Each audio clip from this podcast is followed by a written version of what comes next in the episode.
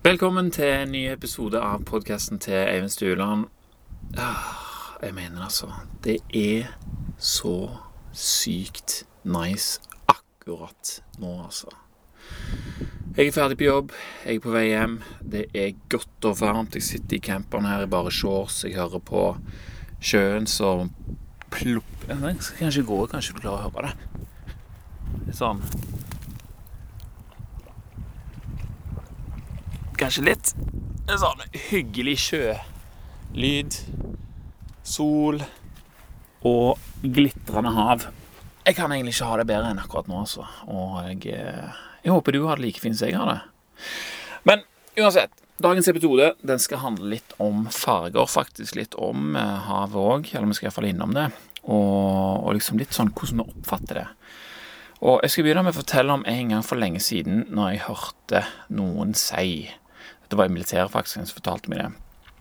At eh, de innfødte som var i Karibien eh, når Christopher Columbus kom der til, at de ikke kunne se eh, skipene på horisonten når de kom, kom, eh, kom mot dem, liksom. De hadde ikke noe konsept om sånne farkoster, og kunne dermed heller ikke se dem, eller på en måte legge merke til dem, da. Altså, det er jo forskjell på det òg. Uh, jeg, husker, jeg, husker, jeg fikk det forklart den gangen, jeg syntes det var en interessant tanke. Men kunne det virkelig stemme, liksom? Og Jeg vet ikke hvor denne historien kommer fra, men jeg har hørt den flere ganger fra flere forskjellige hold siden den gangen. Men én ting er iallfall sikkert, at ingen av de folka som har fortalt om dette, har snakket med noen av de innfødte cubanerne som i, i, sin tid tok imot europeerne. da. Så det er jo veldig vanskelig å vite om det er sant. Eh, og det er òg ganske vanskelig å se for seg at uh, det stemmer. Sant? Selv om de, selv om, uh, uh, liksom deres, De hadde jo båter sjøl. Altså, selv om de ikke så ut som Santa Maria og Pinta og Nina, som var disse her store skipene som liksom hadde kryssa Atlanteren, så hadde de jo båter. Så kunne de virkelig være så annerledes at de ikke klarte å liksom konseptualisere disse her skipene i hodet. Sant?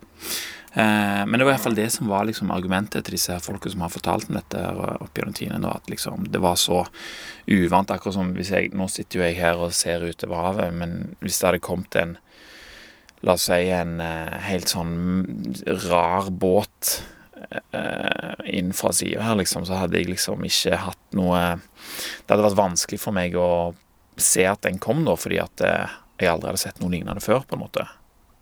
Det, det var liksom tanken bak. Men ah, det høres jo eh, litt rart ut, men samtidig så er det liksom Jeg, jeg tror ikke det, at det var sånn fordi at de ikke så det. Men jeg skjønner litt eh, konseptet, eh, spesielt etter å ha studert dette her som han Donald Hoffman snakker om. Eh,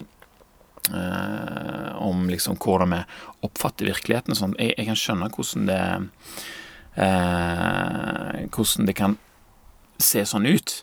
Men det, jeg syns det høres veldig rart ut. Eh, og jeg tenker jo da at det, mest sannsynlig så konene de ser det, men veldig interessant å utforske dette her. Og Donald Hoffman han har jo skrevet den der 'The Case Against uh, Reality'. Sant? Jeg vet ikke om du husker det, men det var han, han som jeg fortalte om for et par episoder siden, som snakket om disse her eh, rubinbildene. Og han sier at det vi opplever som om vi ser, er jo bare en rekonstruksjon vi lager inni hodet vårt av hva som faktisk fins. Altså det er på en måte eh, hjernen vår sin tolkning av hva som skjer, som skal hjelpe oss å handle fordelaktig i forhold til det. Sammen. Eh, og det gjør det da mulig å, legge merke til ting og og da handle i forhold til omgivelsene våre. Sammen. Så når vi ser noe som vi ikke har konstruert før i hjernen vår, så vil det jo være vanskeligere å gjøre mening av det enn om vi kjenner til det fra før av. Sammen. Men selv om jeg ikke kjøper denne her indianerfortellingen, altså, så er det allikevel noe i dette her. Og en annen gang så hørte jeg, og det er det det egentlig handler litt om i dag, at blå var den siste fargen vi mennesker var, ble i stand til å se, altså historisk, da. At det først ble vanlig å kunne oppfatte den i, i, i middelalderen. Altså, det skjedde jo liksom gradvis rundt omkring, da, men at, det, at den gjengse oppfattelsen av den fargen liksom først oppsto i, i middelalderen en gang. At det ble vanlig, da. Ok, hva, hvordan da, liksom? Hvordan kan det ha seg? Hva med himmelen? Sant? Jeg ser ut på himmelen nå, og for meg så ser den blå ut. Eh, og havet, det har vi ofte beskrevet som blått, liksom. Og, og, både himmelen og havet har jo vært der en stund. Men òg her kommer denne tanken om at det vi kan se, er enkelt å sammenligne med konsept vi allerede har etablert en forståelse for. Sånn at vi har en kategori å plassere både himmelen og havet i eh, nå. Og er det sånn at vi finner det enklere å kalle himmelen blå hvis vi har sett andre blå ting? Da vel? Altså, jeg har en blå bil. Eh, hva andre ting er det som er blått her? Det er liksom ting og tang. Her noen sånne klemmer som jeg har. De er blå, og ja Det er ikke så veldig mye, da, akkurat rundt meg her. Jeg har ei Farris-flaske, den logoen er blå, sant. Men hvis jeg ikke hadde hatt noen av de tingene, hadde jeg da funnet det veldig enkelt å kalle himmelen blå? Jeg vet ikke. Og jeg gikk en tur ute i dag tidligere, og da var det liksom sol og fullstendig skyfritt. Og himmelen så veldig blå ut for meg. sant? Hvis jeg bare ser den uten å tenke på det. Hva farge er det på himmelen? Ja, det er blått. Men er den egentlig det? For hvis jeg stirra veldig godt på den, rett over meg, og tenkte at jeg skulle se om jeg kunne tolke den som noe annet enn blå, sant? som om blå ikke fantes Merkelig nok så syns jeg at han kunne bli litt mer på en måte lilla. Hmm. Og dette her er jo ikke noe som uh, Dette her er jo blitt tenkt på lenge, og det var en kar som het William Gladstone som først beit seg merke i at uh, farger generelt glimrer med sitt fravær i sånne oldtidstekster. da. Og han var veldig fan av uh, Homer og, og, disse her gamle greske verkene, og han studerte de veldig nøye og oppdaga da liksom at eh, her er det noe rart. Han har skrevet en bok da som heter 'Studies on Homer and the Homeric Age', som er fra 1858. Eh, og han her, William Gladstone, han er ikke noen sånn hvem som helst. Han var statsminister i, i England, eh, eller i Storbritannia. Ja, vi det. Han har i hvert fall ja, en smart fyr, da. Eh, og i denne boka her så, så snakker han litt om dette her, hvordan liksom han oppfatter det. For i Odyssey av Homer så var det altså havet beskrevet som oinops, noe som betyr liksom sånn vinaktig. Og det er jo neppe en måte vi ville beskrevet havets farge på i dag, med mindre vi var i et sånn eksepsjonelt poetisk humør, liksom havet mørk som vin, altså. Sant? Men samtidig så kan jeg jo se at havet kan ha en ganske mørk og dyp farge eh, under de riktige forholdene. Og var det lett å sammenligne havet med vin fordi det var vanlig med vin, og blå ikke fantes? Sant? Hvis vi, hvis vi tenker det, da. Og det var òg andre merkelige måter å beskrive farger på. Ord som vi ikke ville brukt i dag. En okse får òg fargen fra vin. Og en sau. Altså, det er mange forskjellige Jeg har sett mange forskjellige farger på sauer, men fiolett mm, det er ikke den første fargen jeg ville brukt for å beskrive en. Eh, og sammen med stål òg, liksom bare fiolett. Eh, og Gladstone han skriver da i boka at det, det mest sannsynlig menes at disse her vinfargene beskriver liksom mørke og gulbrune farger og, og, sånt, og at eh, andre Det var mye liksom mørkt og lyst, egentlig. Eh, det var det som skilte eh, blant eh, Eller det var mye brukt til å skille mellom eh, hvordan ting så ut. Men uansett hva Homer mente, så beskrev han det ikke med de samme fargene som vi ville brukt i dag, da. Og faktum er at syntetiske farger har gjort at vi omgir oss nå med alle slags farger hele tida. Mye mer enn det som var vanlig i oldtiden, og òg mye mer enn det som var vanlig for bare 100 år siden. Og 1000 år siden. Sant? Altså syntetiske farger. Det er jo eh, Hvis du går i, i butikken i dag og skal, skal, ha en maling, liksom, så får du et fargekart. Det er jo helt vanvittig eh, spekter liksom, du kan, kan velge i. Uh, og det spekteret finnes jo til, en del, til dels i naturen òg, men det er jo ikke like lett å lage det som en maling. Da. Det skal vi snakke litt om òg. Uh, men hvis jeg ser bort på de buskene som er her borte, så ser jeg hvis vi bare teller kjapt liksom, Ok, det er iallfall fem-seks farger grønt eh, bare i et bitte lite buskas der, liksom. Og så har du liksom Ja, der er det mose òg, men det er kanskje mer sånn gulbrunt eller vinaktig, da. Men eh, det finnes veldig mange nyanser i naturen. Men eh, stort sett er det liksom av eh, Iallfall eh, Grønt er jo eh, Er det veldig mange av Det, det har jeg faktisk ikke tenkt på før, men når jeg kikker rundt nå, så er det jo helt vanvittig, egentlig. Uansett, nå skal ikke jeg Skal vi se Hvor var jeg havna henne nå? Ja. For Gladstone han begynte jo da også å telle fargereferansene i, i denne greia. Og han kom til at svart og hvitt er jo hyppigst omtalt. Og svart nesten 200 ganger, hvit rundt 100 ganger, mens alle de andre fargene er sjeldne eller ikke-eksisterende. Rødt er nevnt 15 ganger, mens gul og grønn er nevnt mindre enn 10 ganger. Eh, så Gladstone han begynte å undersøke andre greske tekster, og det var ingenting som var beskrevet som blått. Ordet eksisterte ikke engang i det språket som de brukte i den tida. Og det, nesten, det virker nesten som om det faktisk var sånn som dattera mi konkluderte med etter å ha sett sånne gamle TV-opptak, sånn filmavisene for at de, de hadde jo ikke farger i gamle dager. sant? Det er det hun trodde når hun så på det. men når vi leser det som han Gladson skriver, så, så, virker det jo nesten litt sånn Men hvordan kan dette henge sammen, egentlig? Og Det var en annen kar som fulgte opp med, det, med videre studier om dette her noen år senere, en filologist, altså en som studerer språk og ord, som heter, han heter Lasarus Geiger. Og han eh, tok det lenger enn bare de greske tekstene. Han begynte å analysere gamle islandske, hinduistiske, kinesiske, arabiske og hebraiske tekster for å se hvordan de brukte farger i språket sitt. Samme regler der òg. Blå, ingen sted å finne. Men hvor merkelig er det egentlig? Altså Hvis du kikker ut på himmelen nå igjen, så er det stort sett bare skyfri himmel som kan beskrives som blå.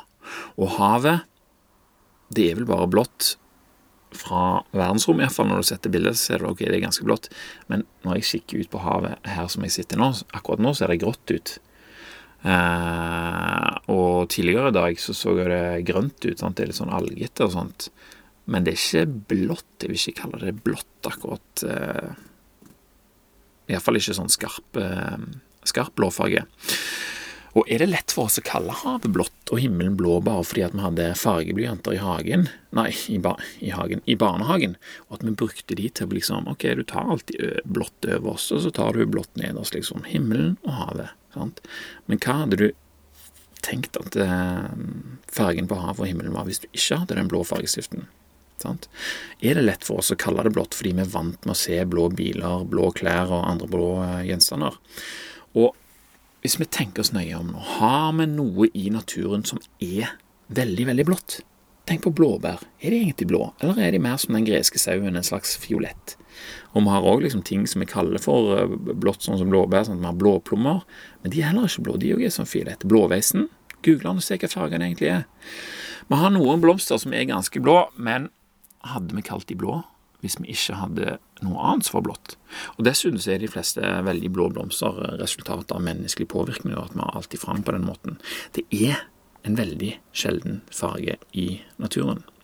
Og Lazarus Geiger han oppdaga et, eh, et uh, merkelig mønster da han analyserte disse tekstene her. Og det var at alle språkene beskrev historisk fargene. Først så begynte de altså med Eh, svart og hvitt. Og så kom eh, Og så brukte jeg veldig mye sånn mørkt og lyst, da. Og de neste fargene som oppsto, det var jo da, akkurat som i, i Homer, var rødt. Blodets farge, sant. Altså det er jo en farge vi bryr oss veldig mye om.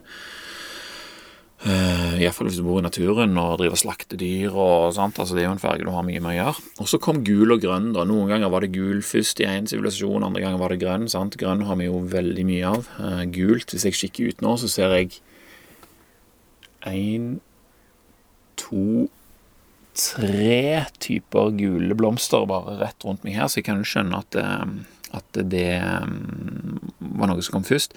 Men den siste fargen som kommer til uttrykk over hele linja, er blå. Og den eneste oldtidskulturen som utvikla et ord for blå, det var den egyptiske. Og de var òg de første til å lage blå farge. Eh, og de brukte en del tid og energi på å få det til. Og motivasjonen til å lage den fargen, den kom fra en stein som de importerte fra Afghanistan, der de hadde sånne gruver for å finne denne steinen. Eh, og det latinske navnet som denne steinen fikk da mange år senere, det var lapis, eh, lapis lazuli. Altså det betyr himmelblå. Eh, sant, men og så er det kanskje Å ja, men de, da hadde de jo himmelblå, liksom sånn. Men dette her det latinske navnet kommer jo veldig mange, mange tusen år senere. Dette her var jo for 6000 år siden, kanskje. Når De hadde den. De kalte den ikke for himmelblå, de, de kalte den for uh, Ja, det vet jeg faktisk ikke. Men uansett så var dette her en blå stein. Eh, som var liksom Han var ganske veldig sånn skarp blå, men det var òg sånn urenheter igjen og sånt. Men, eh, men han var absolutt blå. Og ble brukt veldig mye til å lage smykker og små skriner og ringer og sånt. Og så ble det òg brukt til å dekorere med f.eks. øyenbrynene på Tutankhamons eh, begravelsesmasker. De er av lapis lazuli, og så er de innfelt, liksom. Og, sånn, så de, de, pleide liksom å innfelle de da. Jeg har sett noen bilder og sånt. Hvis du søker på lapis lazuli, så finner du ganske mye kult, faktisk. Men det var veldig dyrt å frakte det her fra Afghanistan til Egypt med karavane, og dette her var absolutt forbeholdt de velstående. Men når egypterne først hadde fått smaken på denne her vakre fargen, da, så begynte de jo å eksperimentere for å kunne på en måte lage mer av den. De ville ha flere blå ting, så kunne vi lage maling av dette her. Så de prøvde å, å knuse lappis lasuli og blande det med diverse ting og tang for å liksom kunne Én ting er å ha en blå stein, men en annen ting er å ha fargen fra den blå steinen til andre ting som du kanskje ønsker at skal være blå. Sant? Kanskje, noe, kanskje et skrin eller noe tre, eller om du har lyst til å dekorere noe. Sant? Uten å måtte skjære opp eller hakke den steinen til en form og liksom felle den inn. Sant? Ja, du skjønner hva jeg mener. Uh, men de klarte aldri dette her. Det ble mer sånn Nå begynte det skikkelig å blåse her. Det ble jo alltid mer sånn gråfarge, på en måte. Uh, så de sleit med det. Uh, men rundt 2500 år før Kristus så klarte de å lage noe Da brukte de ikke lapis lazuli, men de, de, de blanda sammen eh, litt sånn silika, kalkstein, kobber og alkalai. Og som de varma opp til 800-900 grader, da, og som ble en slags blå, men det var mye lysere blå enn lapis lazuli. Og denne her ble liksom Eller jeg vet ikke om de kalte den det da, eller om vi kaller den det nå, men egyptisk blå er iallfall navnet som vi bruker på den nå, da. Eh, og, når det var liksom varmt opp til 800-900 grader, så ble det et slags glass som de igjen måtte knuse, og så blanda de det med sånne forskjellige fortykningsmidler. En av de var eggehvite, f.eks. Og da kunne de lage en slags maling som de kunne bruke til å dekorere tøy og tre og lerreter med og sånt. Eh, og så ble det òg brukt til å lage eller til å farge sånn glasering som de brukte til å dekorere keramikk og fliser, perler og ornamenter og sånne ting. Så eh, et bilde sånn fra, fra, Babylon så er det liksom sånn ok, det er sånn blå fliser på en måte med ei løve. Et sånt bilde som viser at liksom, ok, det var liksom det flotteste du kunne ha der. Men ganske sånn lys blåfarge likevel. Men det er dette, altså, den egyptiske blå, det er det som blir regna som den første syntetiske fargen. Og det er jo da 4500 år siden. Og den ble populær i velstående kretser i liksom disse byene og statene omkringliggende Egypt, sånn som Babylon, Pompeii og Mesopotamia og liksom andre plasser. Eh, og det er jo altså Mange av de byene og statene kom jo til veldig mye seinere, så den, den, fargen på en måte levde lenge. Eh, og den var heller ikke sånn superbillig å, å få tak i og, og, sånne ting. Men etter hvert som, eh, som romertida kom, og det ble liksom større sivilisasjoner og sånn, så klarte de da så utvikle flere syntetiske farger i, i, takt med at det vokste fram liksom, eh, all slags innovasjon. Da, og, og, det var først da blåfargen ble mer vanlig. sånn I romertida f.eks. så sier de at det, det, var blå, eller den her lyseblå lignende fargen arbeidsfolk benyttet til å farge klærne sine med, og sånt, mens rikfolk de foretrakk hvit og sort, og rød og fiolett. Fiolett var visst eh, en ganske sånn dyr farge. Sant? Så det er jo det som bestemmer hva som er flott og fjongt, sant? Om det er dyrt å få tak i, om det er sjeldent. Eh, men i tidlig middelalder så var det òg vanlig for diverse fattigfolk rundt i Europa å farge klærne sine en sånn en lys eh, ved å fermentere og tørke bladene på en slags kålplante da, som de dyrka for det formålet. Men kvaliteten var veldig dårlig. Det var blass og varte ikke veldig lenge. Og, og rikfolk foretrakk fremdeles rød og lilla. Sant? Du kan se for deg en sånn en Ja konge eller prest eller et eller annet, så har de sånn veldig sånn noe rødt, fint stoff da, eller lilla. Det var liksom veldig stas. Men heller ikke arkitekturen så ble det brukt veldig mye blått. Eh, ikke før en som heter Abbe Suger, faktisk, gjenreiste en eh, Saint Dennis basilika rett nord for Paris rundt eh, år 1130. Og han Nå blåser det skikkelig her. Uh, og det han gjorde, var at han installerte glassmalerier som var farga med kobalt. Uh, og kombinert med lyset fra rødt glass òg, så fyltes kirken med sånn blålig-fiolettaktig lys. Og det ble liksom sånn Det var et stort vendepunkt for fargen blå. Kirken ble uh, i seg sjøl viden kjent for dette greiene her, og fargen som det ga. Eh, hetta òg eh, St. Dennis Basilica-fargen, liksom. Eh, og selvfølgelig så var det da flere kirker som, som, begynte å bruke dette her, og det begynte å bli mer vanlig. Eh, og så var det den romersk-katolske kirka som, som, eh, dikterte faktisk på 1100-tallet at italienske malere, når de skulle male Jomfru Maria, så skulle de bruke den dyreste importerte fargen fra Asia. da, og det, Dette her var jo fordi at de hadde, de hadde begynt å eh, fargekode de forskjellige helgenene. Sånn at uh, de skulle ha liksom fargekoder. Jomfru Marie hun var jo liksom den uh, Den uh, Skikkelig vind. Hun var liksom den viktigste, og hun skulle få den mest eh, flotte fargen. Og sånt, den dyreste importerte fargen fra Asia. Og det var Da hadde det gått tusenvis av år. Og den dyreste importerte malingen fra Asia på den tida, det var en maling som da var laga av den tidligere nevnte lapis lazuli-steinen. Egypterne klarte det ikke, men altså på 600-tallet så hadde de klart å Jeg vet ikke helt hvem som gjorde det, men jeg tror det var en sånn buddhistisk kloster eller et eller annet som klarte å knuse mineralet og blande det på en måte med noe annet som gjorde det mulig å male med dette her. Uh, og Det var først ganske sånn dårlig og urein, men etter hvert så ble det utvikla en ganske lang og krevende metode for å lage den her fyldige, skarpe og dype blåfargen da, som ble hetende ultramarine bortenfor havet. Og det var ikke fordi at det var bortenfor havet fargemessig, men det var jo fordi at den kom fra andre sida av Middelhavet, sant? langt vekk fra, i, helt fra disse her gruvene i, i, Afghanistan.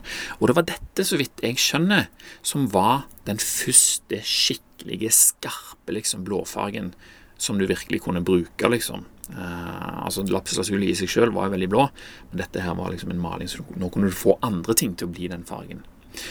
Uh, og den, den egyptisk blå og de andre tidligere syntetiske fargene som arbeiderne farger klærne mine, og sånt, den var liksom blass og lys uh, og, og, hadde dårlig kvalitet i forhold til den her skarpe og dypte liksom ultramarine. Det var liksom knallblått.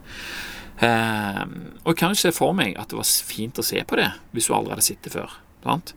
Og siden da så ble blått assosiert med helligdom, ydmykhet og dyd. Sant? Det er jo det samme Jomfru Maria eh, er assosiert med.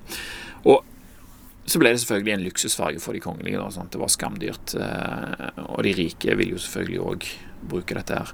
Og For å beskrive litt hvor dyrt det var, så sies det at Michelangelo han lot være å fullføre sitt, eh, et maleri som heter 'På vei til eh, gravkammeret, eller noe sånt.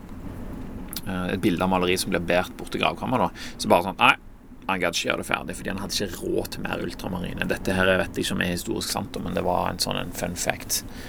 Uh, som jeg så da. Og det, det, maleriet det er jo ikke ferdig, det henger i London, men uh, og det er litt blått på det, men gjerne det ikke ble så blått som Michelangelo har ha det til. da.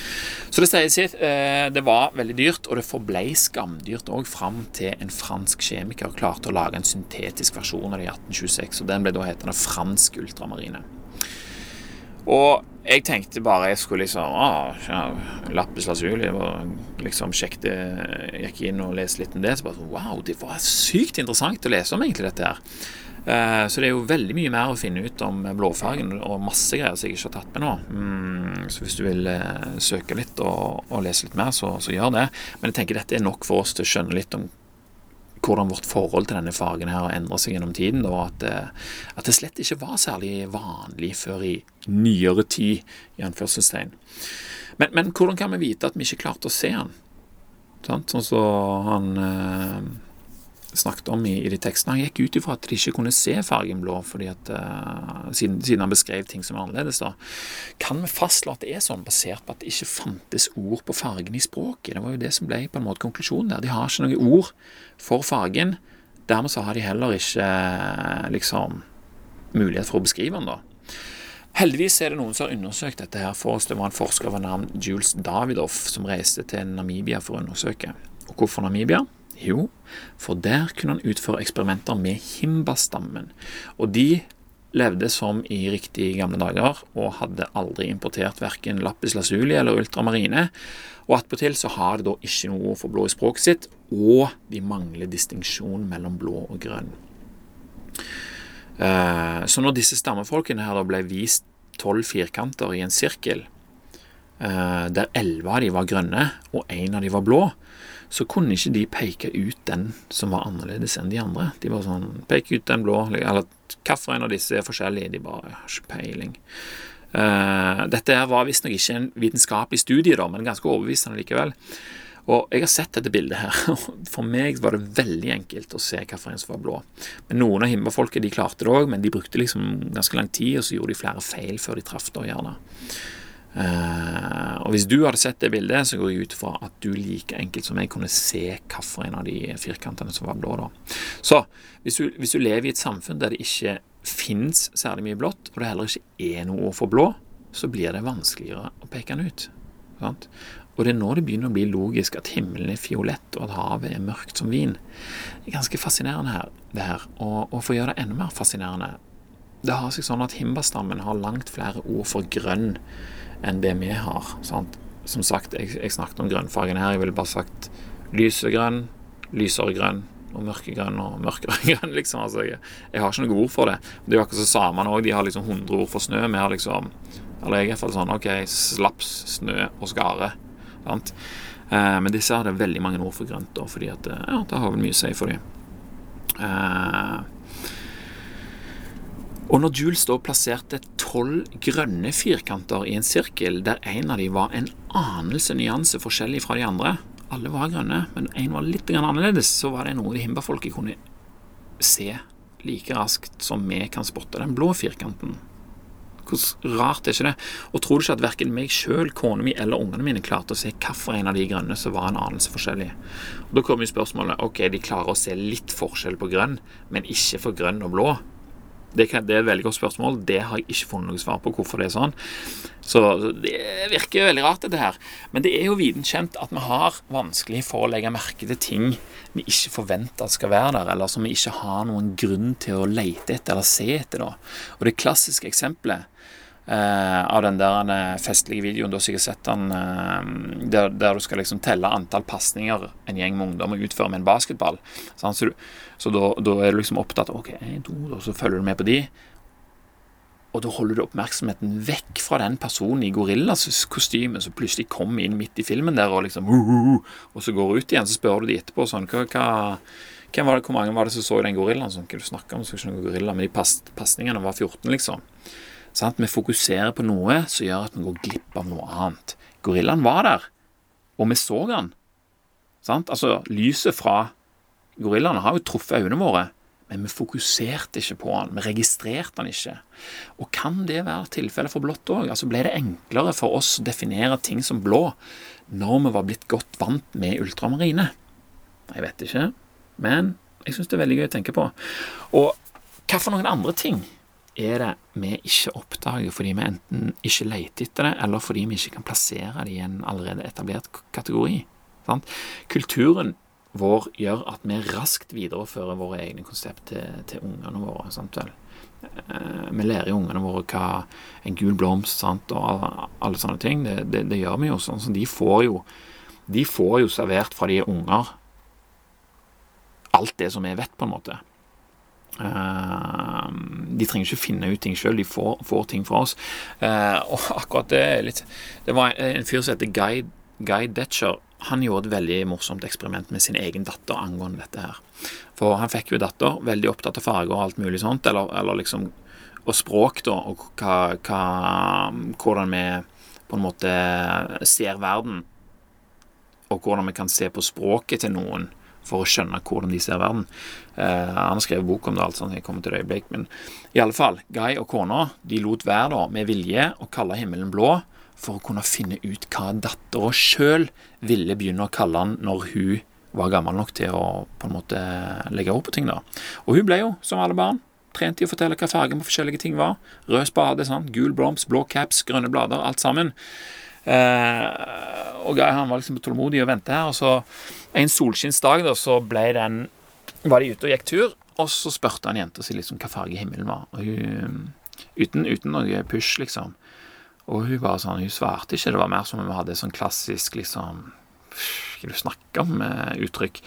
Og det er jo muligens fordi at det, eh, hvis du peker opp på en blå himmel, så er det jo ingenting der. Altså, altså Vanligvis peker vi jo på ting som er rundt omkring. Sant? Bil, caps, eh, spade. Men hvis vi peker rett opp på himmelen, så er det jo ingenting. Det er jo bare himmelen. Så hun hadde liksom sånn Hva, hva er det du snakker om? Liksom litt sånn undrende blikk, da. Eh, men han fortsatte å spørre uten å, presse, liksom. Så etter et par måneder så begynte hun å svare at han var faktisk hvit. Eh, og etter enda et par måneder så ble han da himmelen for første gang blå, men ikke konsekvent. Det var liksom ja, noen ganger hvitt, noen ganger blå. Og, sånn. og dette her er sånne ting som jeg elsker å, tenke på. Hvorfor er det sånn, liksom? Og hva er det hva, hva Hvordan er det med Hvilken del av oss er det som er liksom fra naturen, og hvilken del er det med vi, lærer fra andre gjennom kulturen og sånn. Jeg syns det er så kult å tenke på. Og, eh, og Guy Detcher han har da skrevet en bok om dette, hvordan språket vårt farger oppfattelsen vår. 'Through the Language Glass' heter han. Og, og der er alt dette her fra Homers uh, Odyssey og, og forfatterens eget eksperiment med dattera si med i den boka der, og jeg bare bestilt med én gang.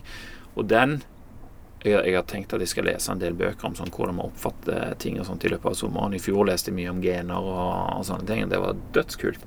Så nå har jeg bestilt den der, Through the Language Glass. Og jeg har bestilt den eh, Donald Hoffmanns Case Against eh, Reality. Så om halvannen uke eller noe sånt, da skal vi av gårde på campertur. Og da er det å legge seg ute foran camperen både morgen og kveld og lese og tenke og kikke på grønnfarger og blåfarger og alt det der. Det blir Åh, jeg gleder meg. Og eh, mest sannsynlig så blir det interessant nok til at det blir lagd en episode om, og to om det etter sommeren. Eh, så da får du kanskje høre mer om det. Hvis, hvis du ikke vil vente det, så bestill de du òg, vel, og, og les de i sommer. Det er jeg sikker på kommer til å bli kjempehyggelig. Så da fikk du iallfall en liten introduksjon om dette her. Og det var òg alt jeg hadde tenkt å si om den saken. Så da sier jeg bare takk for meg, takk for nå, og tusen takk til deg som hørte på. Så får vi ta en titt på havet og himmelen i mellomtida, og så kan du se om du kan klare å kalle det noe annet enn blå, hvis du virkelig vil, og hvis du virkelig eh, kikker etter. Nå ser jeg himmelen er grå litt blå, og skyene er hvite og grå, og havet er mørkt som vin. Vi snakkes senere.